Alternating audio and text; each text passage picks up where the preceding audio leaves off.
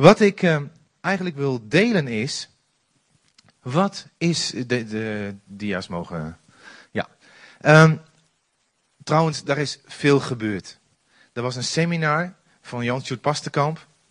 Die heeft het gehad over de Heilige Geest. Willem Ouweneel heeft er twee uur daarvoor gesproken over dingen gerelateerd aan de Geest. Toen uh, Jan Sjoerd klaar was, zijn die twee mannen samen de bediening ingegaan. Hebben gebeden voor mensen met het hele nazorgteam en de Geest viel. En niet in, in, in uh, spetterende dingen, nee, in alle veiligheid en in alle rust. Want vergeet niet dat daar 60% reformatorisch zit. Die onder de zalving van de geest komen. God is het aan het doen. En ik voelde me net eventjes heel dom toen u met z'n allen een liedje voor de kinderen ging zingen wat ik niet kende. Want ik ben nooit naar een zondagschool geweest. Ik ben te laat tot bekering gekomen. voor het liedje te laat. God komt en doet wat nodig is.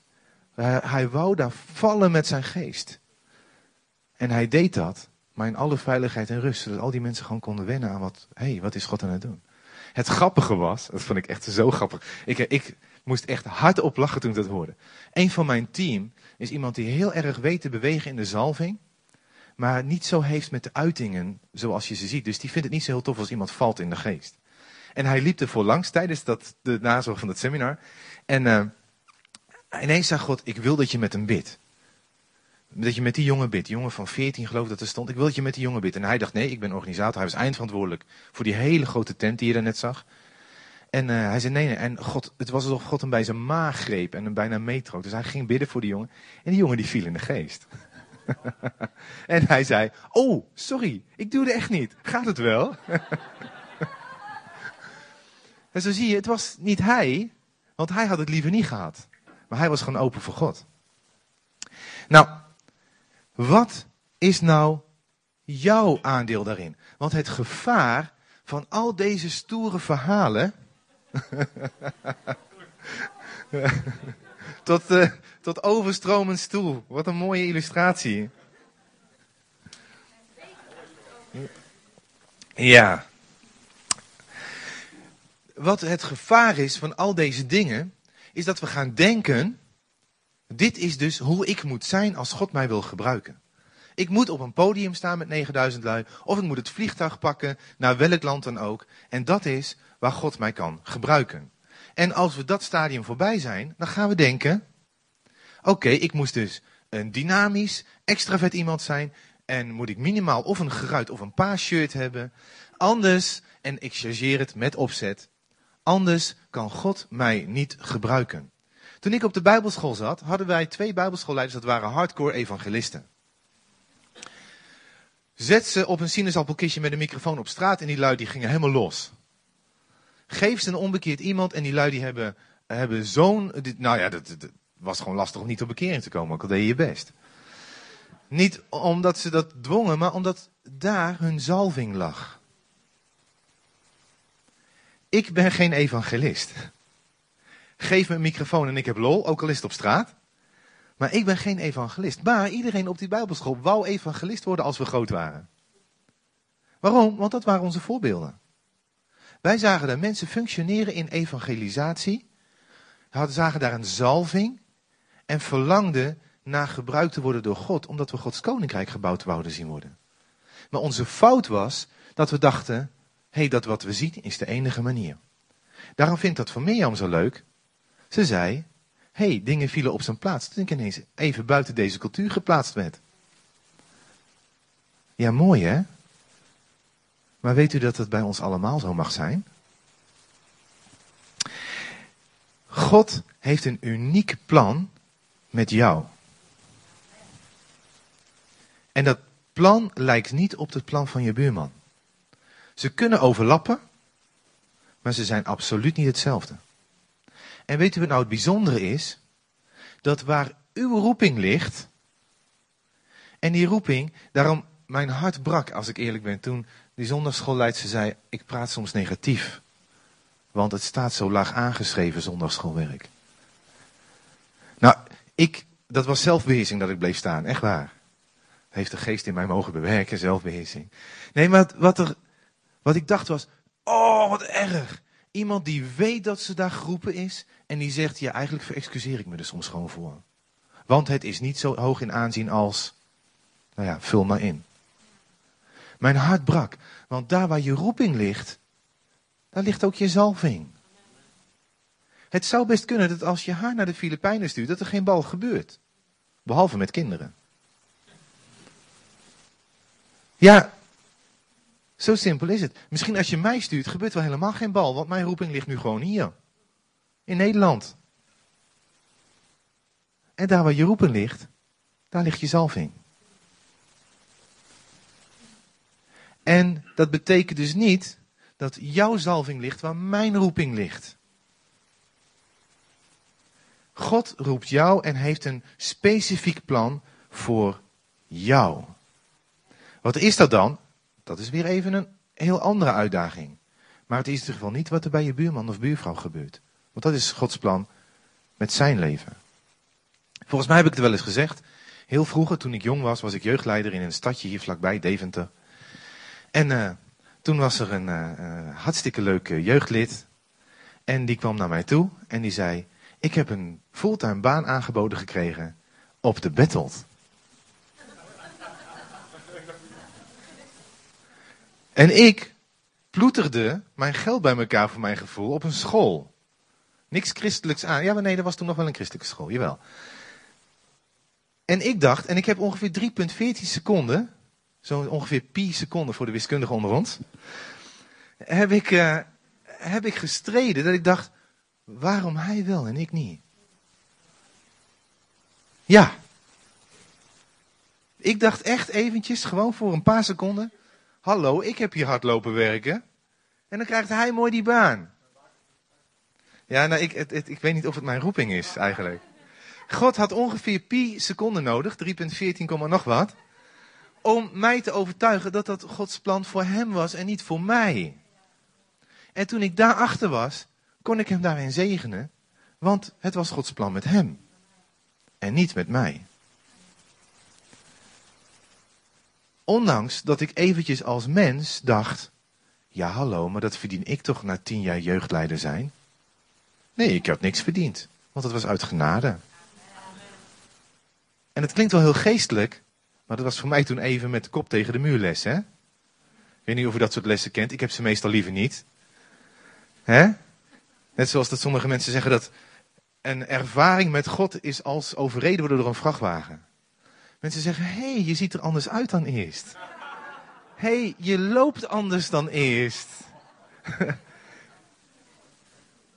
Hé, hey, je bent zo anders.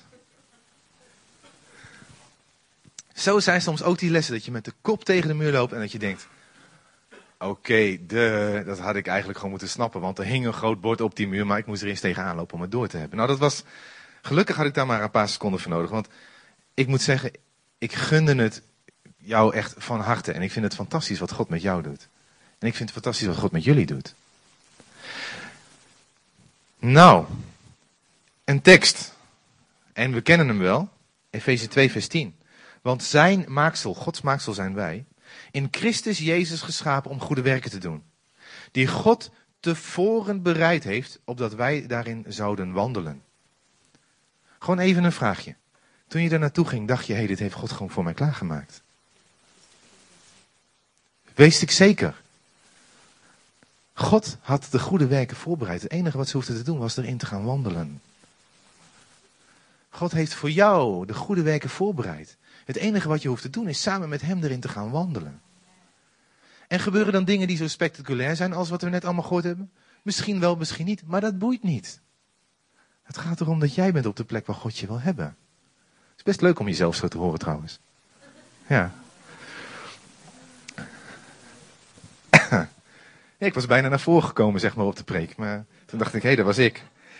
Ja, zelfbediening.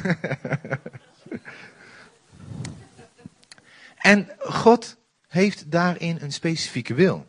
Teksten die dat in mijn, in mijn optiek illustreren zijn bijvoorbeeld 2 Korinthe 8 vers 5. En zij gaven zich, zoals we niet hadden durven verwachten, eerst aan de Heer door de wil van God ook aan ons. hey, door de wil van God waren er een aantal mensen die zich toewijden aan een bepaalde bediening. Dat is apart. Door de wil van God. Efeze 1 vers 1. Paulus, door de wil van God, een apostel van Jezus Christus. Dus God heeft een wil in hoe wij dienen. In waar wij dienen. En dat heeft hij al voorbereid, die goede werk, voor ons om in te wandelen. En de werken die hij voor u heeft voorbereid zijn specifiek. En het zijn andere dan die hij voor mij heeft voorbereid. Dat vind ik heel bijzonder. En daarbij komt de vraag, die we altijd met ja beantwoorden met onze mond, maar zo vaak met nee beantwoorden met ons gevoel. Mag je jezelf zijn als christen? Iedereen zegt, ja natuurlijk. Maar is dat zo? Geloven we dat echt? Geloven wij echt dat je mag zijn zoals je bent? Mag je jezelf zijn? Toen ik daar zat uh, op die bijbelschool, had ik het gevoel dat ik zo, zijn, zo moest zijn als de succesvollen. Er was een jongen, je kent hem wel, Siert Jong. Die kreeg, dat was zo'n profetieënvanger. En je hebt vliegenvangers, hè? dan kun je ernaast zetten wat je wil. Alle vliegen gaan daarop af. Hij was zo'n profetieënvanger. Alle profetieën gingen altijd naar hem. Tenminste, dat voelde zo. En er waren ook altijd mooie profetieën. Ik zal je gebruiken voor Nederland en daarbuiten en zo. En het was ook gewoon zichtbaar op zijn leven. Dus zo'n toffe gozer. En ik, uh, ik snap niet dat hij hier nog niet gesproken heeft trouwens. Hoor. Goed preken dat die vent kon. Maar goed, uh, hint, hint. En... Uh, um, ja, dat is waar, hebben we een tolk nodig, ja. Wat, maar ik dacht, oké, als ik dus voor God goed genoeg wil zijn om gebruikt te worden, moet ik worden als Siert. Ik wist dat ik mezelf mocht zijn met mijn denken. Maar mijn gevoel zei, als ik succesvol wil zijn in het koninkrijk van God, moet ik worden als Siert. En als het niet wordt als Siert, dan moet het zijn als John Corden of als Thomas Zagström, want dat waren onze directeuren. En je hebt dan nog een niveautje lager, de staf. Zo kun je ook worden.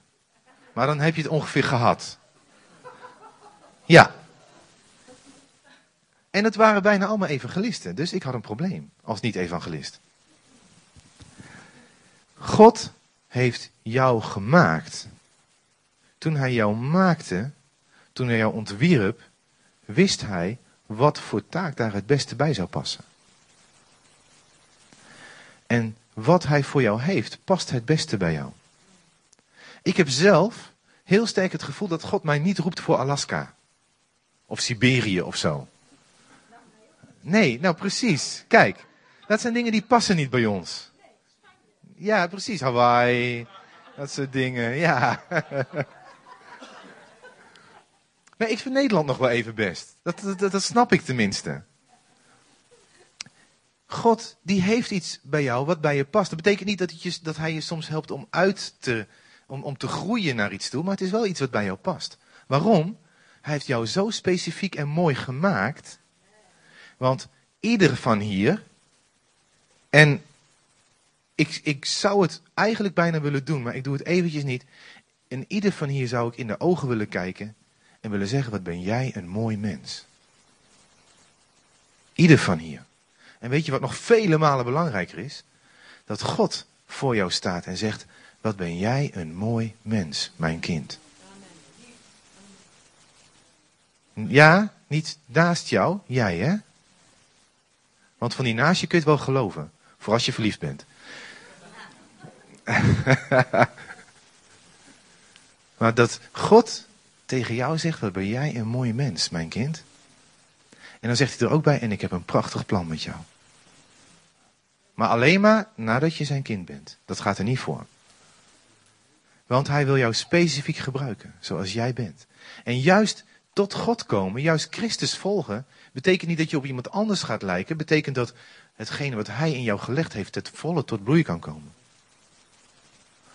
Met daarbij de dingen die in de vrucht van de geest zitten.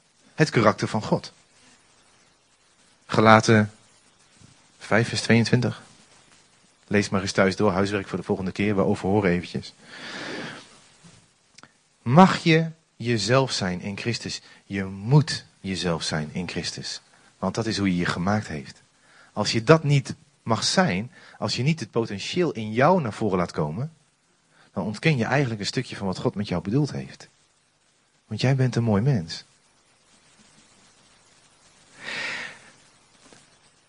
Maar daarbij zit denk ik nog wel iets wat dat tegen kan houden. En ik was een keertje aan het lezen over dat uh, het volk Israël, dat God zei, ik heb voor jullie een land. Ik heb voor jullie een gebied en dat is het gebied waar ik jullie naartoe wil hebben. Dat is het gebied waar jullie een licht voor deze wereld horen te zijn en waar ik jullie ga geven dat jullie vruchtbaar zullen zijn. En als ik dat lees, dan denk ik meteen, hé, hey, God heeft voor mij een gebied in deze wereld. En dat is niet een fysiek stuk land, uh, maar een gebied waar ik mag functioneren, daar waar ik een licht voor hem mag zijn. En waar ik vruchtbaar mag zijn, waar ik vrucht mag dragen voor hem. Zo heeft God voor een ieder van jullie een gebied waar hij jullie als een licht voor deze wereld wil gebruiken en vruchtbaar wil laten zijn. Gewoon waar je bent. En wat mij opvalt aan het land Canaan, want daar hebben we het dan over, is dat het nooit een wereldmacht is geworden. Het was zelfs een stipje binnen het Romeinse Rijk. Maar het was wel daar waar God ze wou hebben. Dat maar het was ook een ontzettend vruchtbaar land. En dat zegt mij dat het dus niet gaat om de grote. Dat het niet gaat om het indrukwekkende. Maar om de plek die God voor ze heeft. De, de plek die God voor jou heeft. Alleen toen ik, was ik dat aan het lezen. En toen viel mij op dat er een aantal volken in dat land zaten. Probleempje. Je wilt ergens gaan wonen, maar er woont al iemand. Hè, praktisch probleem lijkt mij. Toch? Ja. Dus, dat staat daar. Er staat een paar keer, hè? Um, Exodus 3, vers 8. Daarom ben ik neder, uh, nedergedaald om hen uit de macht der Egyptenaren te redden, het volk. En uit het land te voeren naar een goed en wijd land, een land vloeiende van melk en honing naar een woonplaats van de Canaanieten, Hethieten, Amorieten, Perizieten, Givieten en Jebusieten. Later in Exodus 3, vers 17 worden ze nog een keer genoemd. En toen, ik weet niet of het Gods leiding was of dat ik me verveelde, maar toen dacht ik, laat ik eens kijken wat die namen nou eigenlijk betekenen. Van die, van die, uh, ja, ik ben gewoon eerlijk, sorry. Uh, laat ik eens kijken wat die namen nou eens betekenen van die volk die daar zitten. En een paar vond ik eigenlijk heel, heel, heel opvallend. Want, bijvoorbeeld, de Amorieten, eigenlijk komt dat van Amar, van een woord, wat betekent openbaren, hier ben ik, jezelf op de voorgrond zetten. En toen dacht ik, hé, hey, kijk, laten we eventjes voor alle duidelijkheid, dit is een echt gebeurd verhaal. En het is vooral echt gebeurd. Maar dat betekent niet dat we er niet ook nog, ook uit de symboliek lessen kunnen trekken. En toen dacht ik, hé, hey, dat is een van de eerste dingen die maakt dat we eigenlijk niet op de plek kunnen komen waar God ons wil hebben. Dat wij, dat wij onszelf erop willen laten voorstaan hoe goed wij in God zijn. Dat we eigenlijk gaan samenwonen, wel op een plek waar God ons wil hebben, maar ook op een plek waar wij onszelf willen profileren. Daarom vind ik het zo indrukwekkend om te zien als mensen met God gaan wandelen, dat ze niet heel indrukwekkend worden, maar juist heel, heel verbroken worden. Nederig, precies. Een van de mensen waar ik dat, en ik kan het zeggen, hij is er niet bij.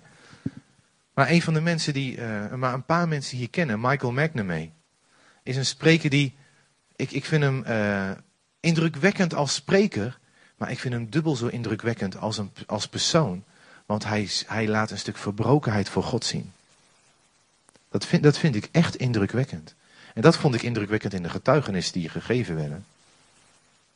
Als wij het land van God in willen gaan, moeten wij denk ik af gaan rekenen met dat wij onszelf zo nodig willen profileren. En daar wil ik even een, een kanttekeningetje bij maken. Want ik zie bij sommige bedieningen, en dat bedoel ik niet als een veroordeling, alleen het breekt mijn hart als ik heel eerlijk ben, zie ik juist dat de leiders zichzelf wel ongelooflijk profileren. Ik denk dat het eigenlijk afleidt van hetgene wat God wil doen. En God, hun, hun verantwoording is naar God, niet naar mij.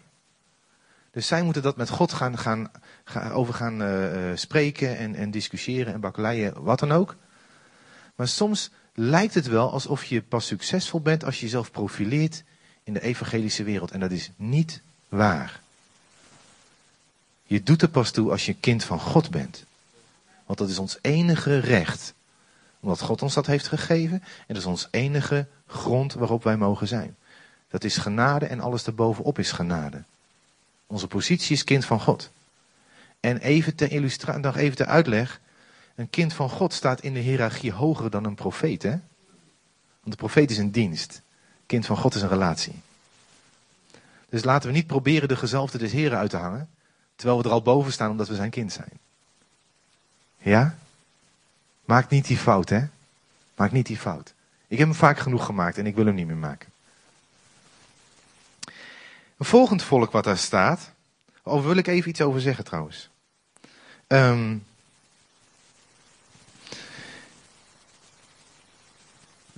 trots. ja, ik, dit is een, een, eh, een citaat wat ik even ter verduidelijking van het zelfprofileren van trots wil geven. Iemand zei eens, trots is de uitdrukking van innerlijke onafhankelijkheid. Valt het kwartje? Innerlijke onafhankelijkheid. Hoe kun je nou onafhankelijk zijn als je God wil dienen? Hoe kan het nou? Je dient God. Hoe kun je dan onafhankelijk van hem zijn? Een ander volk wat daar staat, de Hethieten. Dat woord, het, met een H aan het eind, dat komt van schrik, angst. Schrik aanjagen. En uh, ook daar dacht ik, hé, hey, als wij het land in willen gaan wat God voor ons heeft, zullen we niet moeten afrekenen alleen met, hé, hey, ik wil mijzelf profileren, ik wil laten zien wie ik ben. En dan tussen haakjes in Christus, het geestelijke sausje. Maar zullen we ook mogen afrekenen met angst, met hetgene wat ons schrik aanjaagt. En wat kan dat zijn? Nou, voor de ene is die angst misschien wel praten over dat je een kind van God bent. Voor de ander is die angst misschien wel komen in Gods aanwezigheid omdat je je niet goed genoeg voelt. Maar angst is nooit en te nimmer een goede raadgever in het koninkrijk van God. Heel simpel, stel jij gaat de jungle in, daar staat een leeuw te brullen, jij schrikt je rot en je rent weg. Op dat moment kan angst een hele goede raadgever zijn. Ja, ook een schrikreactie, stel iemand spuit benzine in jouw gezicht en jij schrikt en doet je ogen dicht. Redelijk goede raadgever op dat moment. Maar in het koninkrijk van God is angst geen goede raadgever. Spreuken 29, vers 25. Vrees voor mensen spant een strik. Maar wie op de Here vertrouwt is onaantastbaar. Is dat iets waarop wij ons kunnen beroemen? Nee, want wij zijn niet profileren. In God zijn we onaantastbaar. Dus wie kan zich erop beroemen? God. En wij mogen erin staan. En dan mogen we blij mee zijn. En dan mag je gepast trots op zijn. Maar het is niet om jezelf te profileren. Het is om God te laten zien. Want schrik, voor mensen, angst voor mensen, spant een strik. Maar wie op de Heer vertrouwt is onaantastbaar. Dat is genade. Maar wel sterk. Johannes, 4, 1 Johannes 4 vers 18. En er is in de liefde geen vrees.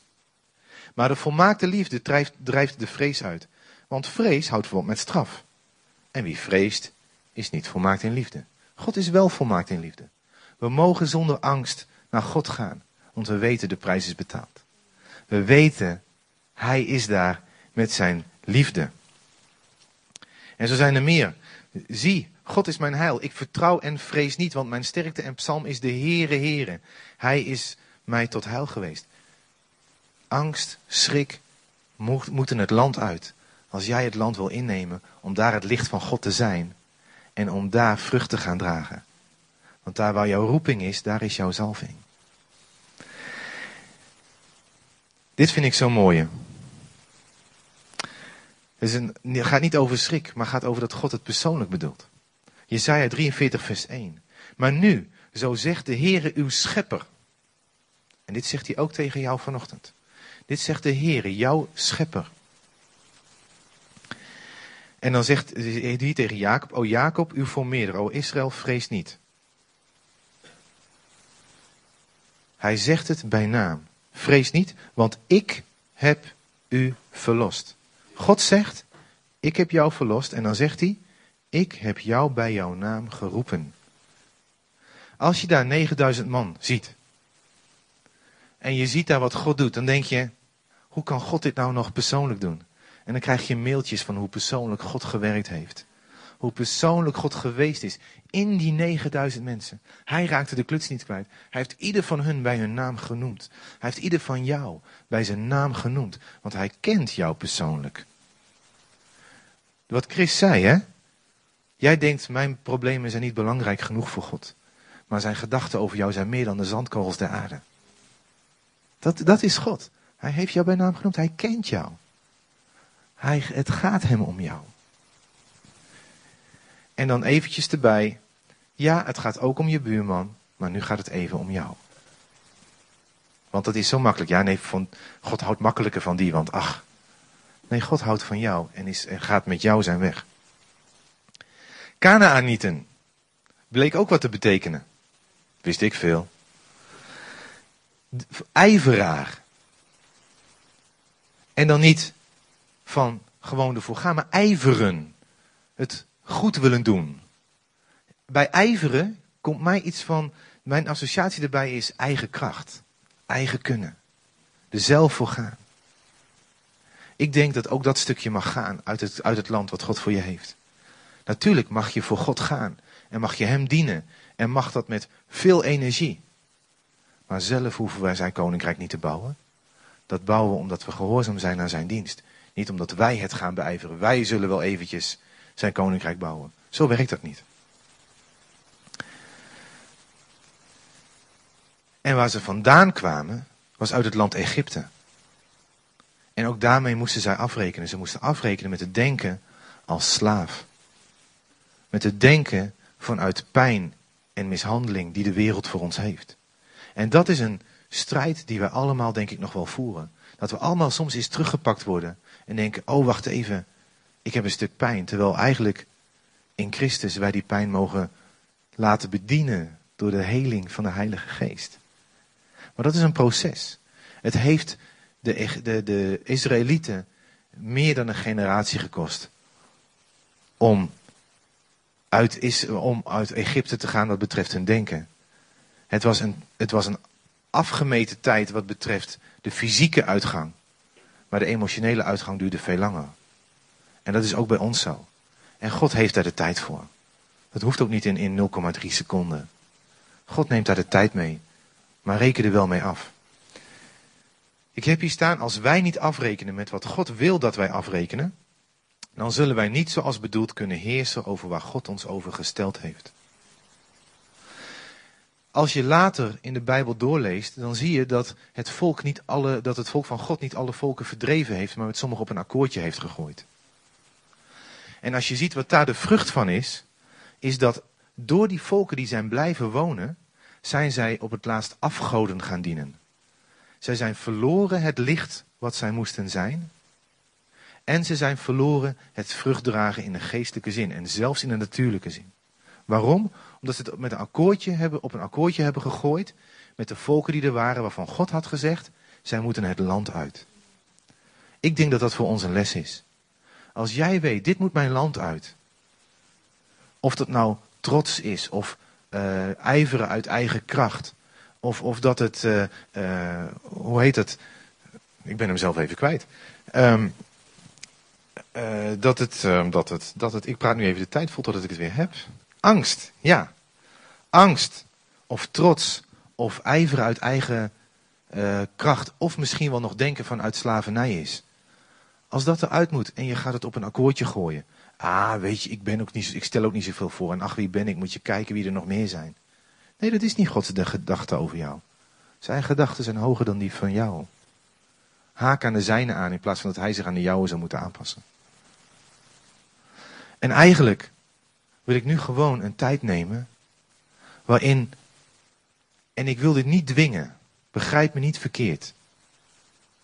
Maar ik wil eigenlijk jullie vragen om te zeggen, Heer, u mag spreken. U mag spreken wie ik ben in u. U mag spreken wat u wil met mij. En dat, dat wordt niet gesproken door de voorbeelden die ik heb in de vorm, maar in de voorbeelden die ik heb in de inhoud. Mensen die in verbrokenheid, maar wel in zekerheid God mogen dienen. Mag God jou vanochtend, vanmiddag, mag hij jou aanspreken met waar jij nu bent. Zullen we bidden? Heer, ik wil u bedanken. U bent de persoonlijk God. U bent een persoonlijk sprekend God. U bent een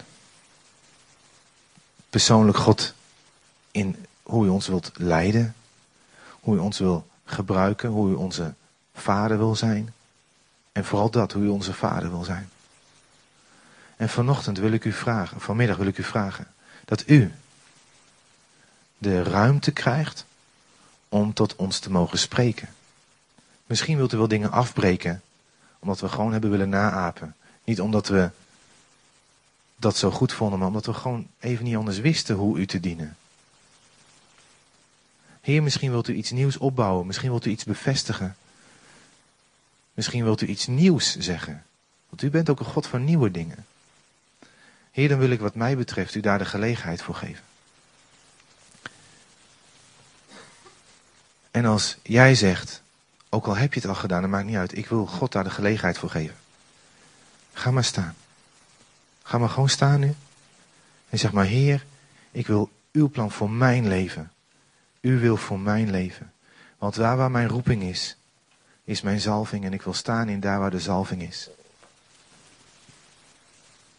En ga niet staan om je buurman. Als jij deze worsteling nog niet door bent, God heeft de tijd.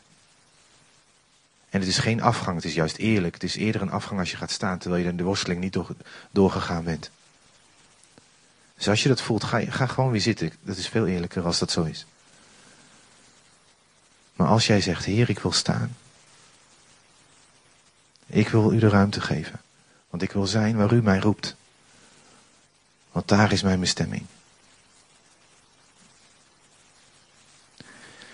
En in de naam van Jezus wil ik vrijheid uitspreken. Ik had zelf had ik, had, had ik kracht willen uitspreken, maar ik heb het gevoel dat God wil vrijheid uitspreken. Vrijheid uitspreken, vrijheid vrijzetten. Over ons allen, en ik zit er ook bij, bij ons allen denken. Of je bent gaan staan of bent blijven zitten. Doet er voor God niet toe, want Hij houdt van jou. Maar daar waar nu mensen hebben gezegd, Heer, ik, wil het gaan ontdekken. Ik wil vrijheid over het denken uitspreken. Ik wil barrières neerhalen van hokjesdenken. Dit is bediening en dit is het niet. Dit is God dienen, dit is het niet. Dit is God dienen en de vorm erbij. Ik haal die muren nu neer in Jezus' naam. Daar waar ze neergehaald mogen worden, want het is jou hoe ver jij het openzet. Maar daar waar ze neergehaald mogen worden, ik haal ze neer in de naam van Jezus. En ik voel, ik, ik ervaar echt de vreugde van God daarover. Ik ervaar de vreugde van God erover. En als jij het ook ervaart, laat het maar komen. Laat het maar komen. En ik wil ook angst de wacht aan zeggen in Jezus' naam. Want ik wil daar de vrede en het vertrouwen in God uitspreken in Jezus' naam. Dat je niet weet waar het, waar het bootje naartoe drijft, betekent niet dat je bang hoeft te zijn.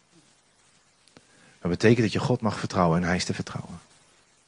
Daar waar trots nog staat, en ik zie voor mij hele mooie beelden en ik zie ze aan gruzelementen vallen. Op dit moment zijn er mensen die zeggen, hier, hier is mijn trots. En alsof er een sloophamer tegenaan gaat, een onzichtbare sloophamer, gaat het beeld van trots.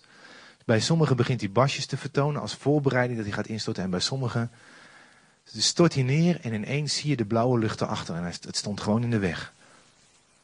Maar God is dat nu aan het doen en is dat proces aan het ingaan met een aantal van jullie. En overijverigheid. Ook daar wil ik de vrede van God. Je hoeft jezelf niet te bewijzen. God is degene die jou op een plaats zet. God is degene die jou op de plaats zet. Dat hoef je niet zelf te beijveren. Want uh, hij kent jouw telefoonnummer en hij kent, hij kent jou en hij weet waar hij je moet hebben. In Jezus' naam. In Jezus' naam. Zo zegen ik elk besluit wat hier genomen is. Het besluit om eerlijk te zijn en te blijven zitten. Het besluit om te zeggen, Heer, mijn denken is open voor u om te spreken en mij te plaatsen waar u wil. Ik zegen deze besluiten. In de naam van Jezus. Amen. Amen. En weet je wat hier gebeurd is? Ik denk wat God vanochtend heeft gedaan, waar hij al een tijdje mee bezig is, is dat hij zo'n stuk wat in de bediening stond, wat heel diep was, omdat heel veel mensen hetzelfde wilden nastreven, in de breedte heeft getrokken voor een aantal van ons. Dat betekent dat God een proces aan het doen is, waar hij zalving in de breedte wil gaan geven hier in Zutphen. Niet alleen een, een, een, een, een uh, stoottroepen vooruit, maar in de breedte daarachteraan. En het zal een andere zalving zijn, want iedereen heeft een specifieke zalving van God. Maar dat met z'n allen zal het licht in Zutphen kunnen zijn. En dat is wat God doet. Dat is wat God doet. Ja? Oké. Als je hierover wil doorpraten, doorbidden, doe het alsjeblieft. God spreekt niet zodat je met een goed gevoel naar huis gaat en morgen bent vergeten waar het over gaat. Als God jou heeft aangesproken en je denkt, ik, ik, ik heb gewoon nog even nodig om na te praten of met iemand te bidden. Kom naar de dienst. Er zijn zatlui die met jou willen bidden. Of misschien spreek je buurman aan. Als je weet dat is iemand waarmee ik graag bid en praat. Maar ga ervoor datgene wat God gegeven heeft, waarvan je denkt, het, het drijft nog een beetje om dat te verankeren. God zegen. Ik krijg een woord van God.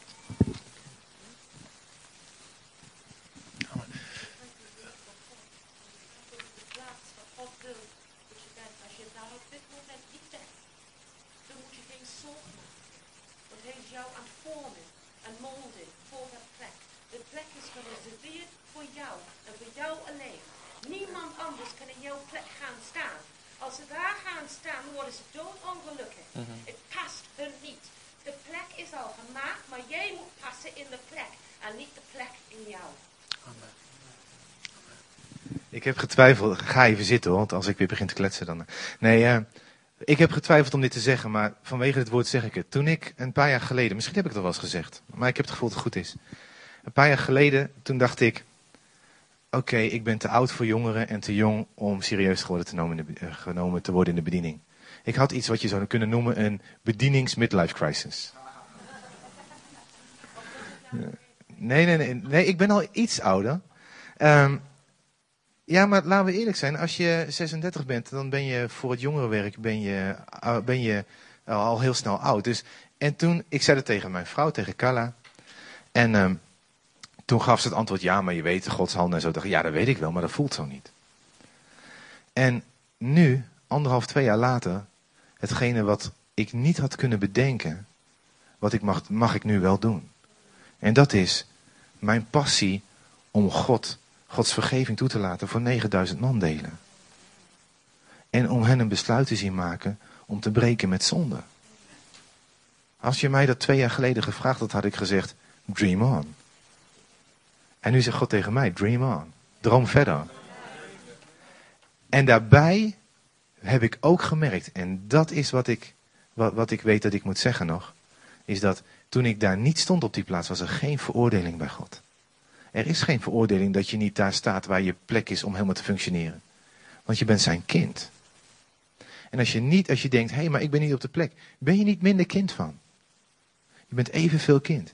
En God gaat met jou dat proces. En ik dacht, oh, dat moet binnen drie maanden. En toen was er een keer een profeet bij ons in de, in de gemeente. En ik zei dat zo, ja, maar ik wil God niet missen. En die, hij, hij legde zijn hand op mijn schouder en hij keek mij aan. Hij zei, Giovanni, God kijkt niet op een jaartje. En dacht ik, oh. Dus ook bij jullie. God kijkt niet op een jaartje.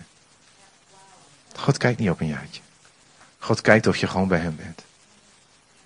En dan stop ik echt. Nadat ik heb gezegd dat mijn vrouw dramalesdagen geeft en zo. ja, heeft hij volgens mij even... Uh... Oh, ja. ja, doe maar even. Je hebt nou je, hebt je recht verdiend om dit aan te kondigen. mijn vrouw, Carla Veldhuis, Kennen jullie allemaal wel? Ja. Die uh, heeft uh, dramalesdagen binnenkort. Alleen die van 7 juni en 21 juni zijn samengevoegd op 21 juni.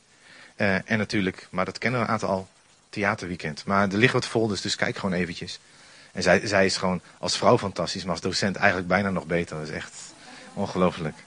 Verder ben ik niet bevooroordeeld of zo. amen, amen.